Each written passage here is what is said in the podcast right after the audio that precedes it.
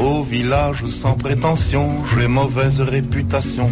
Que je me démène ou que je reste quoi, je passe pour un je ne sais quoi. Hola, Santi Jiménez, bon dia. Bon dia. Què tal, Malcom Otero, bon dia. Bon dia, ja el nostre regal. De què? No s'havia deixat una cosa al Marcel Pellejero? Ah, sí! Hosti, tinc a la redacció. Ah, Ara, tens la portarem. redacció. Ara ho portarem. Ho tens a la, a la teva maleta ja, no? Quin sinvergüenza. Ara, ara obrirem. Quin Sí, sí, sinvergüenza. Ha enviat un paquet al Marcel Pellejero. Moltes per gràcies. vosaltres. Home. Bueno, ara llegiu la carta i tot això, però anem a centrar-nos en el torró, perquè, noi, tinc, tinc la parròquia enfadadíssima amb els execrables de la setmana passada, amb Mercè Sí, Rodoreda. sí, sí, sí, sí, sí. sí, Sí, sí, tenim... Hola, supercaixa, eh? Sí, ara... El, sí, sí, tenim... De, de fet, tenim un, un hater molt fatxa. Sí, Eh, que estava content. No, Ah, vale. ens va dir que som, som com, com ens ho diu? Dir- Instrumentos del independentismo. Del separatismo. Del Instrumentos separatismo. del Del separatismo. separatismo. I, no, però i s'ha posat, caixa, té 5.000 seguidors. A veure, la caixa del Marcel Pellejero, a veure, un moment, obriu-la. Ara parlem de A fatxa. veure què hi ha dintre. Hi ha una mica de... Ole! Una mica de boll d'ams, Ojo, que està xafant de les patates. patates coromines I, i, i hi ha una carta. una carta. Del vostre subordinat. No, home, no ets subordinat, ets un, ets un encant, home. Sí. És el nostre propietari. Està el Garraf, ens envien missatges Sí. des de Sitges, no sé on. Admirats i mai prou valorats. Mm. Santin i Malcolm. Sí. Sí. Està bé que comencis posant-me a mi primer. Molt bé.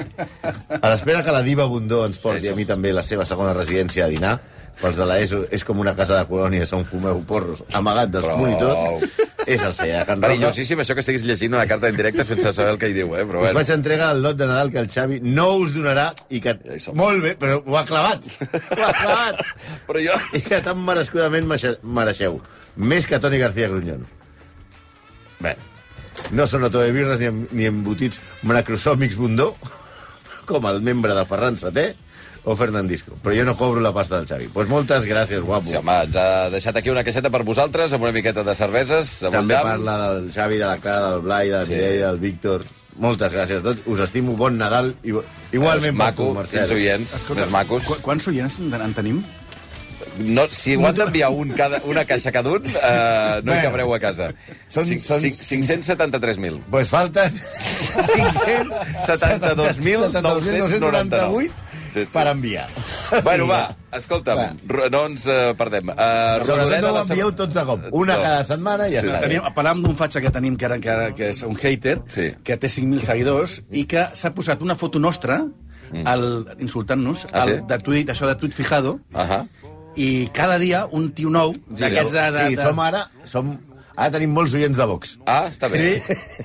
Bueno, escolta'm, Eh? a veure, i no farà res, Elon Musk? No, Bueno, va. millor que no faci res. No, no, que no Però faci. avui li dedicarem el programa amb ell, eh? Ah, sí? Sí, perquè després de que vam fer a Mercè Rodoreda la setmana passada i vam excitar un sector de la població, ara anem per una altra dona per compensar i excitar els nostres haters fatxes, que, per cert, els enviem una afectuosa salutació des d'aquí, desitjant-los un bon I, Nadal i, els, i diem, i que se'n vagin a prendre pel sac. què mirà, bobo? Què mirà? Què Vete bobo? pa allà, bobo. Però mierda, cara mierda. allà. Anda pa Bueno, allà. imbècil. Prou. Avui, avui parlarem d'una dona impresentable, però que de manera sorprenent se li està fent un rentat de cara que només es pot entendre en un país com Espanya, que és extremadament tebi amb el feixisme. I és que aquesta senyora ara sembla que va ser la pionera del feminisme a Espanya. Del feminisme. Aguanta'm el cubata, Prou. nen. Aguanta'm el cubata. en plena polèmica de la llei d'aquest del sí és sí, del no és no, ara resulta que aquesta senyora de que parlarem avui, que es va dedicar a adoctrinar les dones d'un país sobre com s'havia de crear una família, era una pionera del feminisme. Te cagues. La senyora que mai es va casar i que mai va tenir fills, sigui dit de passada... Eh, és Va estar a punt, eh? Va estar a va punt. estar a punt, però ja par... això ja arribarà. Parlarem d'una dona severa, malencarada, metòdica, covarda, freda com el gel, calculadora, traïdora i venjativa. Una dona que, com ja deia a la transició, a mi no me tose ni Dios que yo ya estoy por encima de las ofensas. Pues senyora, preparis perquè venen unes quantes. Una dona que pregonava el model de la dona sotmesa a l'home, consagrada a l'espòs, als fills, i que es definia a ella mateixa com una dona que mai ha estat guapa ni més forçada en fingir bellesa. No m'ha agradat mai maquillar-me i flirtejar amb homes. Això no és obligatori per sentir-se dona. Ho va dir en castellà, òbviament. Parlem de la primera condesa del Castillo de la Mota, gran cruz imperial de les flechas rojas, Hosti. presidenta de las celadoras de la Real Asociación Católica para la represión de la blasfemia, Hosti, boníssim. íntima amiga de gent com Mussolini, Hitler o Oliveira Salazar, tres, les tres bessones, i en definitiva parlem de Maria Pilar Primo de Rivera i Sáenz de Heredia, coneguda per tothom com Pilar Primo de Rivera. Échame una mano, prima, que viene mi novia a verme. Estoy tan nerviosa que no sé qué decir oponerme. Échame una mano, prima, que viene A veure, Eh, prima de Rivera. Ah, prima, eh? prima, que. Hem de dir que Pilar va tenir el món per echar una mano a totes les primes, les Vale, germanes, vale. les senyores en general. Bueno, poc importa, com deia el Santi, que ella mai es casés. I menys mal, Menys mal que no es va casar. perquè la història relacionada amb el seu possible matrimoni és per jugar i cadires, eh? Ja, ja ho veurem. Ella estava al món per ensenyar a les espanyoles com comportar-se. Però és que, com es diu en castellà, de casta le viene al galgo. Ella provenia d'una família bastant acostumada a dir-li la gent el que havia de fer. A veure, era filla de Miguel I de Rivera, el dictador d'Espanya i aspirant a Mussolini de Hacendado, i germana de José Antonio Primo de Rivera. Presente! Prou, home, de por que feu. Home, això es deia abans, Sí, sempre. ja ho sé, ja ho sé. No. Sente! Sí, sí. Sente! Sente. Sente! Va. Era la quarta dels sis fills del general i es va quedar orfa de molt petitona. La seva mare va morir al part del sisè germà. I el papà, general, que estava molt ocupat anant de putes i fent cop d'estat, no va entendre massa l'educació dels seus fills. Ella tenia una germana bessona anomenada Àngela, que va morir quan tenia 5 anys de serrampió. I així que ella va créixer una mica de la mà de Déu en un ambient castrense. Pels de l'ESO, és un quartet militar. Sí. I va créixer, i no és res d'allò de, de, catall, de catamasculin. Castrense vol dir mm. militar. No, té res a veure amb l'altre. a masculí no ho han entès molt bé. Vinga. Va, sí, això també, sí. Jo també els hi parlo com si, fossin, com si haguessin llegit un llibre. Va créixer idolatrant el seu germà, que a part de molt guapo, José Antonio era molt... Presente! Era Això molt, era molt guapo. També era, eh, com a cap de la família, i un emprenedor. Un En- entrepreneur. Entrepreneur. Tan entrepreneur que va fundar la Falange. I a ella, amb la seva, o sigui, la Pilar, amb la seva germana Carmen, cap allà, a la Falange, van anar per apuntar-se. Doncs, d'entrada, no els hi va sortir bé. No. Mira que en els partits polítics accepten a tothom, sense preguntar res. I a la Ah, Falange imagino que més. passi, passi, passi. Eh, són una mica com la legió estrangera. Eh? Tant se val que hagis fet mentre paguis la quota, si has fet coses malifetes, si has matat algú, no importa. Vostè entri, entri. Vostè entri, vostè entri. Però mira tu, que José Antonio, presente, Sent! va rebutjar la sol·licitud de la seva germana Ah, sí? per entrar a Falange. Sí. No les va deixar entrar. I això que totes dues van anar al míting fundacional del partit, que, per cert, es va celebrar al Teatro de la Comèdia de Madrid. Oh, que és que, no, és que el que no passi a aquest país... Home, está muy bien que montis no, voy a montar un partido político. ¿Y dónde lo montamos? Teatro de la Comedia. En el Teatro de la Comedia. O sigui, que no passi a Espanya és meravellós. Resumint, la situació és la següent. El seu pare és un general fatxa que munta un cop d'estat i organitza una dictadura de Chichinabo que fracassa perquè al dictador li agrada més el conyac i les putes que l'ordre i la sacrosanta unitat d'Espanya. El teu germà munta un partit, la Falange, que es presenta en societat al Teatro de la Comèdia i no et deixa ni que t'afiliïs. La teva vida no va massa bé, reina. Sí, però finalment, José Antonio va acceptar, amb condicions, l'ingrés de la seva germana al moviment. No la va deixar entrar a Falange, però la va colar mitjançant el Sindicato Espanyol Universitari, el famós seu. I finalment, el 1934, s'organitza de manera oficiosa la secció femenina de la Falange. Quedeu-vos amb aquest nom i recordeu a les vostres àvies. La fundació d'aquest engendre, no obstant, va portar problemes. Hi havia una competència ferotge entre senyores fatxes, eh? eh una mica com entre... Us en recordeu? Cospedal i Soraya Sánchez de Santa Maria. Per aconseguir eh, manar el PP. Però, però aquesta a lo bèstia.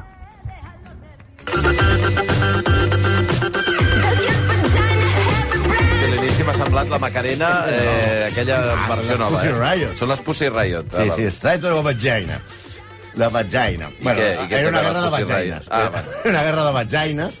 Eh, la, la secció femenina de la Falange comença forta. Forta si no les comparem amb les Pussy Riot, Ah, ah, sí, aquestes sí que fan fortes. Es van afiliar, atenció a l'any 34, 60.000 dones. Carai. Vale. Però el 1936 es va crear un font d'oposició. Ja? Sí, Ja comença a passar això, també. el va liderar l'altra vagina, que era la vagina de Mercedes Sanz Bachiller, que era la vídua d'Onésimo Redondo.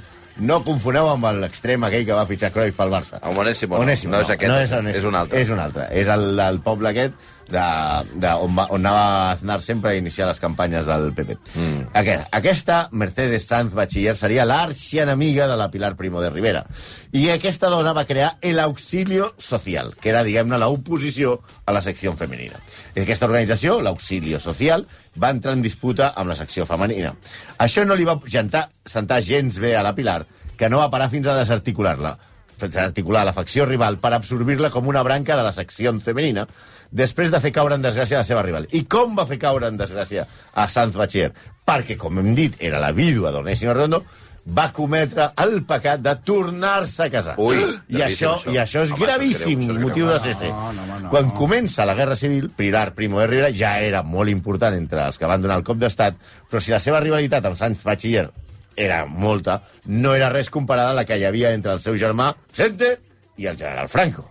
Sí, la pugna entre Franco i José Antonio, per liderar el bàndol colpista, va quedar soltada ben d'hora Sí, perquè els, sí. els republicans van agafar José Antonio i el van Sí, veritat. S'ha de dir que hi ha una cosa que diu Norberto Ja Fuentes... no estava present.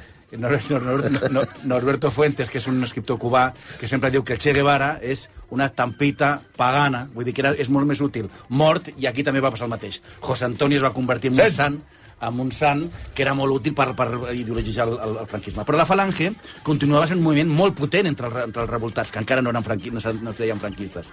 La Falange, aleshores, es divideix en dues faccions. Una la capçala Manuel Edilla, considerat el, el líder de les camises viejas, i una altra és el que defensava el llegat de José Antonio i el formaven personatges com eh, el cosí de José Antonio, Sancho d'Àvila, que no té res a veure amb el del Tanatori. Ah, No, no és el mateix. Això hi ha, hi també ha molta gent, fins i tot hi ha agrupacions i la Junta Nacional dient que no pot ser que un falangista tingui un No carrer aquest. i no és el mateix, Val. Sancho Dávila. Aquest també era bastant execrable. Ah, sí? Sí, sí. Ja el buscarem un dia, doncs. És, és un, era un capità de la, dels tercios de Flandes. Mm. I coses així. Eh, Però i el, i el cunyal de José Antonio, que era Agustín Aznar, i la germana de José Antonio, Pilar. La família, vamos. Sí, eren la família. Tots dos bàndols lluitaven per fer-se amb el control de la falange i tots dos suposaven a que Franco la, el controlés la falange. Sí, a veure, no hem pensat mai que teníem alguna cosa en comú amb el general Franco. Vosaltres? No, tots. Què? Però tenim una cosa. No ens agrada la falange. Ah, no, a a Franco tampoc, eh? tampoc li agradava gens la falange. Saps a qui no li agradava la falange? A no? Franco. A Franco no li agradava gens la falange. I amb això, doncs mira, coincidim amb, el, amb, amb la tortuga. I és que ell, això, per això va promoure una cosa que es va dir el decreto de unificació. Per tant, per, per aquest decret, la falange, com els carlistes i tots els grupuscles que s'havien revoltat contra la república, quedaven sota el seu comandament. I s'inventa allò, i li canvia el nom i li diu Falange Espanyola Tradicionalista pels carlistes i Juntes Ofensives Nacionals Sindicalistes. Les Jons. Les Jons. Jons. Les Jons no es pot dir en, en, així. S'ha de dir les Jons. Les Jons. Les Jons. I això va provocar una revolta de la falange contra Franco. Però el gallego no estava per hòsties i van presonar a tots els que es van oposar al decret. Inclòs, fins i tot, a un falangista tan important com Manuel Edilla. Vist això, Pilar Primo de Rivera va decidir que a partir d'aleshores seria franquista, muy franquista i mucho franquista. Cara girada, traidora i pilota, va escriure el següent. Siendo leal a todo lo fundamental de José Antonio por encima de las cosas circunstanciales de su pensamiento. Y bueno, soy leal al 18 de julio y a lo que representa Franco y el futuro de España. Y circulen, venga, que aquí no hay nada que ver. La victòria a la guerra del bàndol, ara sí, franquista, no va arreglar del tot les diferències entre Franco i Pilar, tot i que ella s'havia plegat a tot el que deia el generalíssimo. Ella va seguir augmentant la seva quota de poder.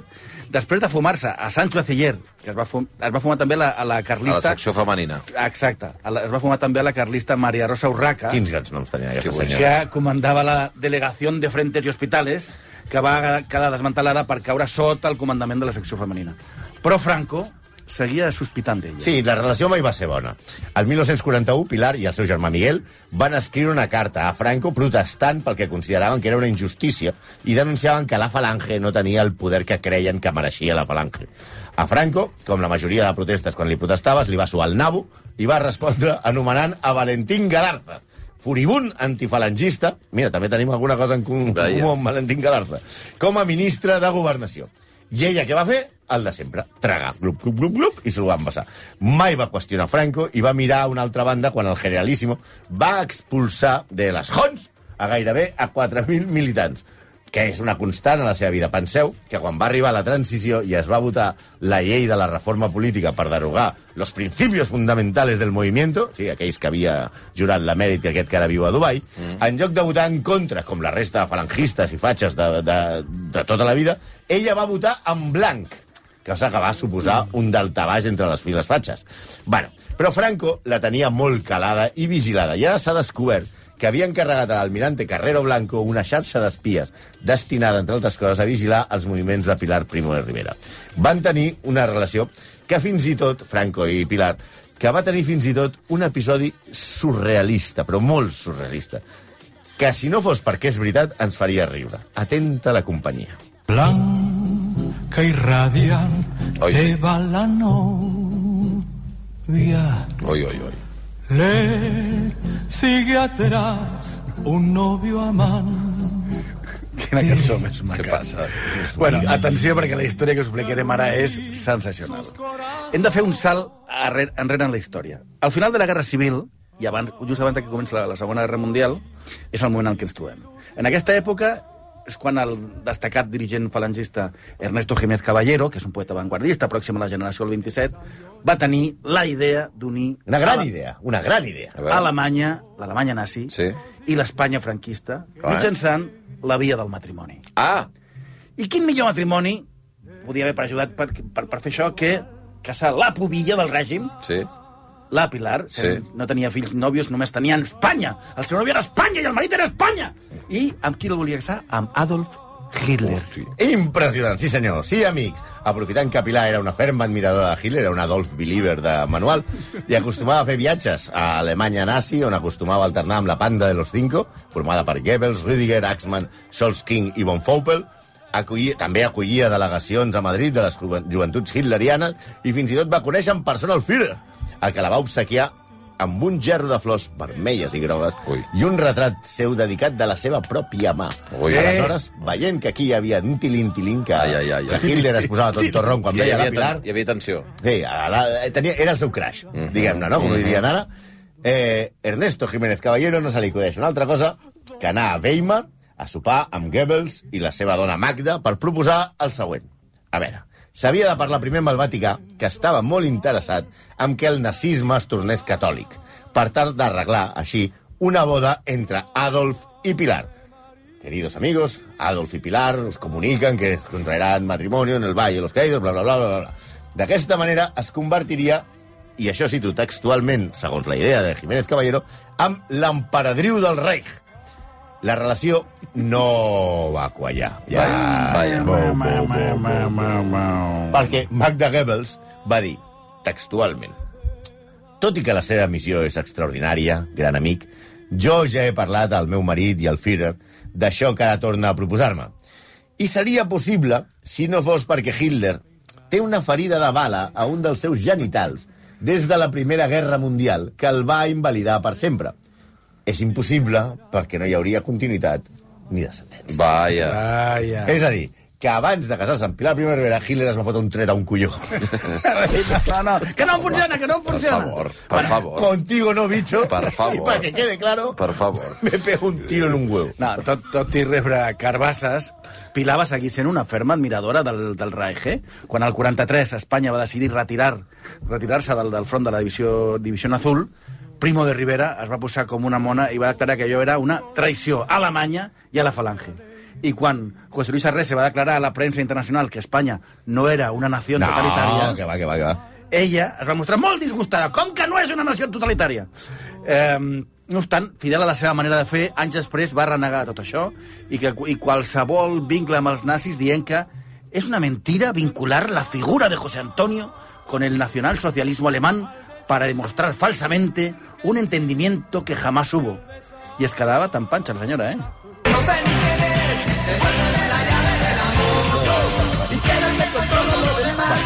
Bueno, fins aquí ha quedat molt clar que era un execrable. de Home, de, de moment tot...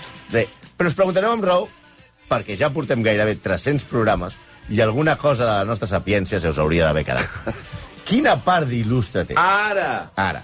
Doncs bé, resulta que ara, en el moment actual de debat sobre el feminisme, resulta que hi ha certa corrent que no direm de quina ideologia, que ja us podeu imaginar que és de dretes, que defensa que aquesta senyora va ser una pionera en el feminisme ben entès. El feminisme de la Macarena Olona, d'aquestes. Toca't els ous.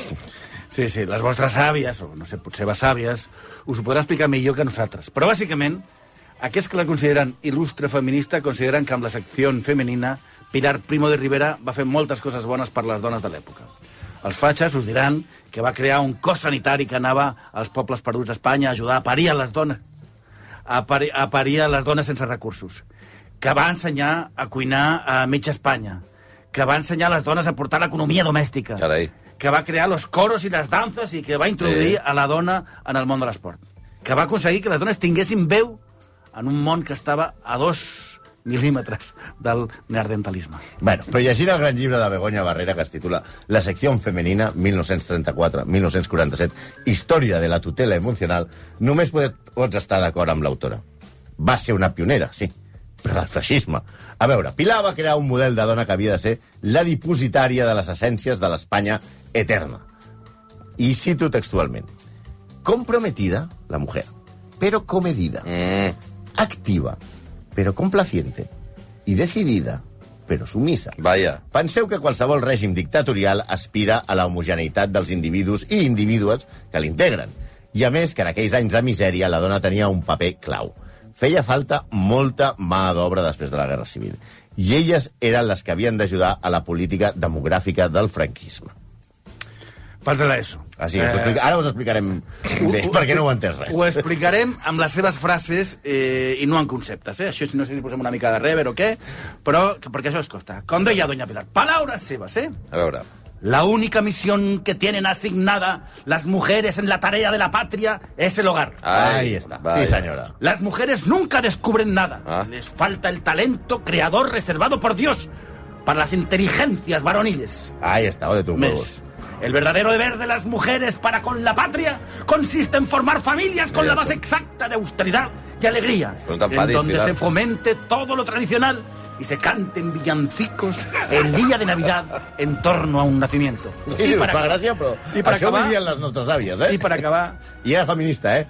Lo que no haremos nunca con las mujeres es ponerlas en competencia con ellos, los hombres, porque jamás llegarán a igualarlos y en cambio pierden toda la elegancia y toda la gracia indispensable para la convivencia. A veure, aquesta... Bravo, Pilar. Bravo! Bravo. Viva Pilar! Gràcies. Aquesta és la feminista que reclamen alguns i que va tenir fa poc una polèmica perquè un projecte, que això té gous, entre la Universitat de Barcelona, la Fundació del Banco de Santander i la Universitat d'Exeter, a Gran Bretanya, la va incloure en un projecte sobre dones pioneres, al costat de gegants, gegantes, com Hildegard Rodríguez, Carmen Laforet, Mercedes Pinto, Carmen Conde o Pepita Pardell que òbviament no sabeu qui són, però ja us ho explicarem un altre dia. Ho busqueu a la Wikipedia. A més, i això em toca per la part esportiva, Què? la seva única contribució a l'esport femení va ser, que va ser aconseguir que les noies no fessin natació vestides, cosa que sembla bastant lògica. Què vols dir? Fins que ella Ah! es tiraven a la piscina vestides. Vestides, amb la roba com de carrer, diguem-ne, no amb banyador. Quan va veure que de l'equip de natació s'ofegaven sis, va dir, "Hosti, igual, igual els hi posem un trajo a bany. I aleshores, perquè considerava que a les piscines els homes no podien veure els cossos de les Clar, dones. clar, clar, clar. Aleshores, el que va aconseguir va ser que fessin amb trajo a bany, però que els homes no poguessin entrar a les piscines. Va. Mira, com a Qatar. També, mira, una mica... Pilar seria feliç a Qatar. I, per cert, va ser ella, els que diuen que va portar l'esport, va prohibir durant 20 anys que les dones fessin atletisme a Espanya. Jo t'ho dic de... Sí, sí, sí. No cap, de veritat que no cal. No, no, no.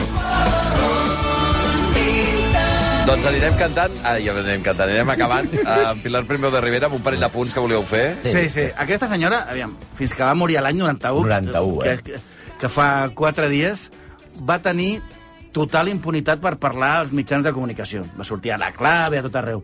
I és que seguia, seguia tenint molts amics en tots els àmbits de poder. Veiem alguns dels amics que han quedat descoberts un cop s'ha publicat la seva correspondència. Tenim un Nobel, eh? Un Premi Hombre, Nobel. Són mis amigos. Don Camilo José Cela, que li escriu al 1980. Ja Lo en que- democràcia, eh? ya en democracia. Lo que dije de la contribución a la cultura de la sección femenina no es más que la verdad. No tienes nada que agradecerme. Gregorio Marañón també li escriu li, li escriu descobrint-se com un fan de los artistas incomparables de los coros y danzas que han hecho olvidar a la gente los dolores a los que sufren. Juan Domingo Perón era també un admirador i fins i tot hi ha una carta... Flipa. Flipa. D'aquí és la carta. de la dona de Chiang ai. Kai-shek. Uh!